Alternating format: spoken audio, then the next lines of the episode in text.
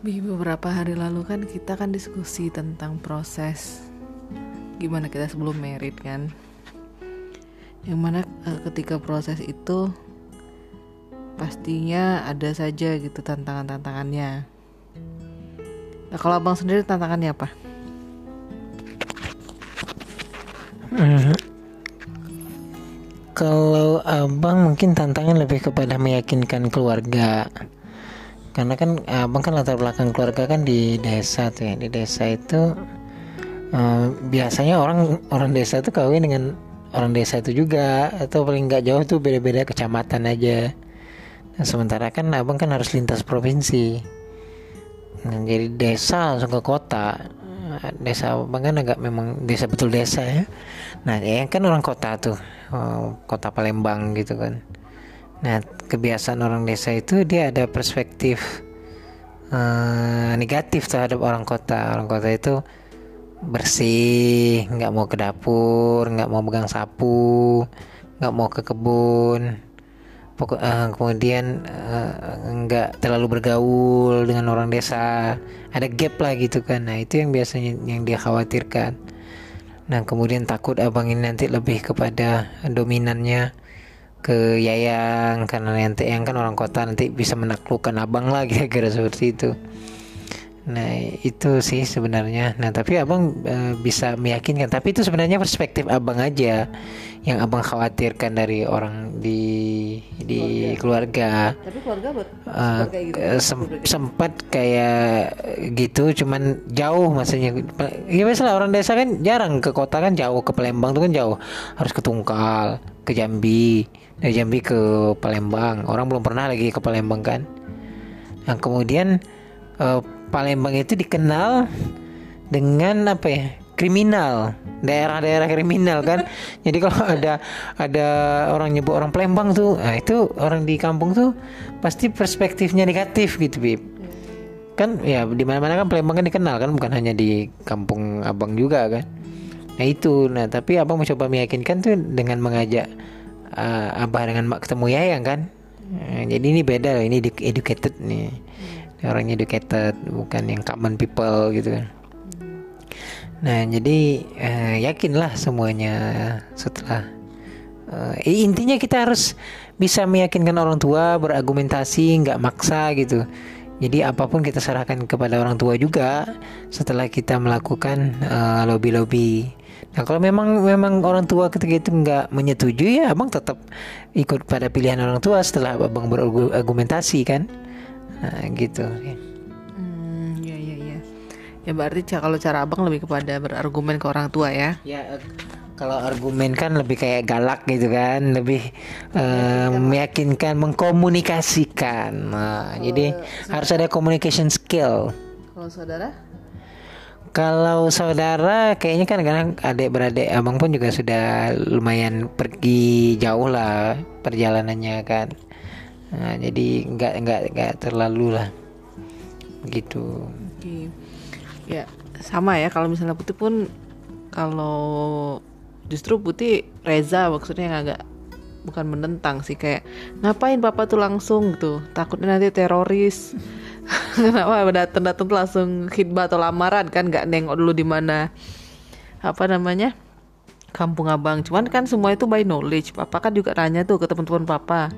Bosnya katanya eh, di desa Sungai Undan itu ya kalau dipilih kepala desanya berarti itu berdasarkan ketokohan. Kalau kata teman papa Om Denny itu bi. Hmm. di sini kan di Pekanbaru. Oh, iya, ya. Di Riau. Makanya akhirnya oh ya udah papa yakin gitu. Yang pastinya ya karena pakai istiqoroh juga kan. Nah itu kan pertama dari internal keluarga. Selain itu kan kita juga ada uh, apa ujian juga. Abang diharus diharuskan memilih antara kuliah dan kerja kan sehingga akhirnya abang resign.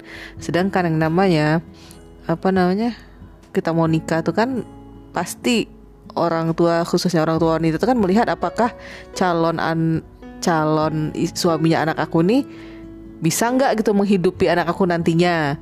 Nah, waktu itu kan apa? Resign kan? Dari kerjaan yang dibilang udah cukup stabil lah. Gitu. Ya jadi kan uh, abang tuh kan pede ingin menikah ketika itu ketika itu ya pas abang alhamdulillah dapat kerja ya di di pondok Tafis Ampang tuh yang gajinya lumayan lah. Lumayan tuh dalam arti uh, kita kan pernah nih jadi mahasiswa. Mahasiswa tuh belanjanya dikit banget. Dengan gaji abang yang sudah uh, lumayan itu abang rasa untuk kita berdua itu malah lebih kan. Uh, lebih untuk ya lebih untuk untuk nyewa untuk bensin motor untuk makan dan lain sebagainya. Nah tantangan berikutnya adalah ketika abang eh, harus kuliah kuliah itu ternyata nggak boleh uh, part time harus full time jadi kalau kita kuliahnya itu ngambil full time kita nggak boleh kerja lebih dari 8 jam Nah itu jadi abang disuruh re resign tuh sama uh, dosen. Ya, katanya kamu kuliah atau kerja gitu. Nah jadi akhirnya abang pun resign lah mengutamakan memprioritaskan kuliah. Walaupun abang bingung ketika itu. Nah ini kalau resign tadinya pengen menikah dengan PD-nya kan dengan gaji karena ada kerjaan. Tiba-tiba resign aduh abang stres tingkat tinggi waktu itu kan. Padahal udah ngelamar udah udah walimah tapi eh walimah pula apa? Udah khidbah sudah khidbah lagi Waduh, abang pede aja. Nah, jadi, uh, tapi untung bib abang alhamdulillah memasang dua kaki. Jadi abang kalau kerja itu kan memang harus uh, nggak hanya satu tempat karena abang tahu nih kalau nanti misalkan resign satu tempat kan masih ada tempat yang satu lagi nah, tapi abang masih ngajar tuh di yang peripat tuh nah tapi abang tetap uh, pede aja karena ya memang oh, sebagai seorang muslim itu dia harus yakin bahwa kalau menikah itu kan Allah akan memberikan bantuan pertolongan baik itu berupa rezeki atau kekuatan apalah yang Allah berikan kepada kita. Nah jadi abang langsung aja go on aja. Walaupun ketika itu abang tidak menceritakan kan ke siapa? Ke mertua apa? Ke papa dengan mama maksudnya uh, mertua gitu. Jadi abang lebih ke menenangkan aja waktu itu ya? Hmm, iya lebih menenangkan. Uh, seperti karena karena karena, karena abang tuh sudah terbiasa maksudnya uh, dengan dengan kehidupan itu udah biasa maksudnya Eh, tak ada duit, ada duit, itu biasa aja, nggak terlalu membuat abang pusing sebenarnya. Nah, cuman kan e, berbeda halnya kalau ini kita sampaikan kepada calon mertua, tentu uh, orang calon mertua ini kan pasti pengennya kita itu kan stabil, punya pekerjaan. Nah kalau kalau misalkan pekerjaan nggak ada resign gimana anaknya mau makan? Rasional sebenarnya itu wajar hal-hal yang wajar. Jadi gimana caranya nanti kan? Nah tapi di situlah peran kita sebagai seorang eh, calon ya dari calon menantu gitu kan harus mampu meyakinkan calon mertua bahwasanya kita tuh bisa bahwasanya kita tuh kita mampu hmm? ya, tapi kan maksudnya meyakinkan itu kan bukan apa ya bukan cari-cari alasan ya aja. meyakinkan itu bukan apa ya licik gitu. Uh, maksudnya meyakinkan gitu memang ada. Abang satu ada pekerjaan yang kedua abang juga uh, diminta jadi apa kemarin waktu itu Bim? riset asisten. Riset asisten. Kebetulan juga waktu itu begitu abang resign uh, ada dipinta untuk riset riset asisten. Nah itu yang abang jadikan alasan untuk uh, untuk meyakinkan papa waktu itu dengan mama. Nah, alhamdulillah. Walaupun waktu itu nggak jadi riset asisten tapi alhamdulillah itu di, menjadikan uh, alasan waktu itu kan sampai kita menikah kan. Nggak jadinya itu kan setelah kita menikah diputuskan tidak jadi. Nah tetapi alhamdulillah selama perjalanan hidup kita di Malaysia Bib ya. Jadi ya yang tuh abang bawa hari ke berapa Bib? Hari keempat ya hari keempat langsung ke Malaysia. Alhamdulillah kita selama di sana nggak pernah kekurangan abang nggak ada utang itu. Sama sekali tak ada utang walaupun uh, satu ringgit. Motor ada tempat tinggal ada pengajar ada makan pun waktu itu alhamdulillah uh, udang ya udang gede. Dan alhamdulillah ketemu dengan bulan Ramadan. Di mana? Di situ banyak makanan memang Iya kan, jadi kita tuh memang disambut dengan uh, rezeki Kan di Malaysia kan kalau bulan puasa kan makanannya luar biasa. Walaupun kita tidak terlalu berharap di situ. Nah, tetapi andaikan ketika itu kita kekurangan makanan langsung ada disediain tuh bulan Ramadan. Nah, sampai hari lebaran. Lebaran apa? Bib? Enggak ada juga kan kita kekurangan kan?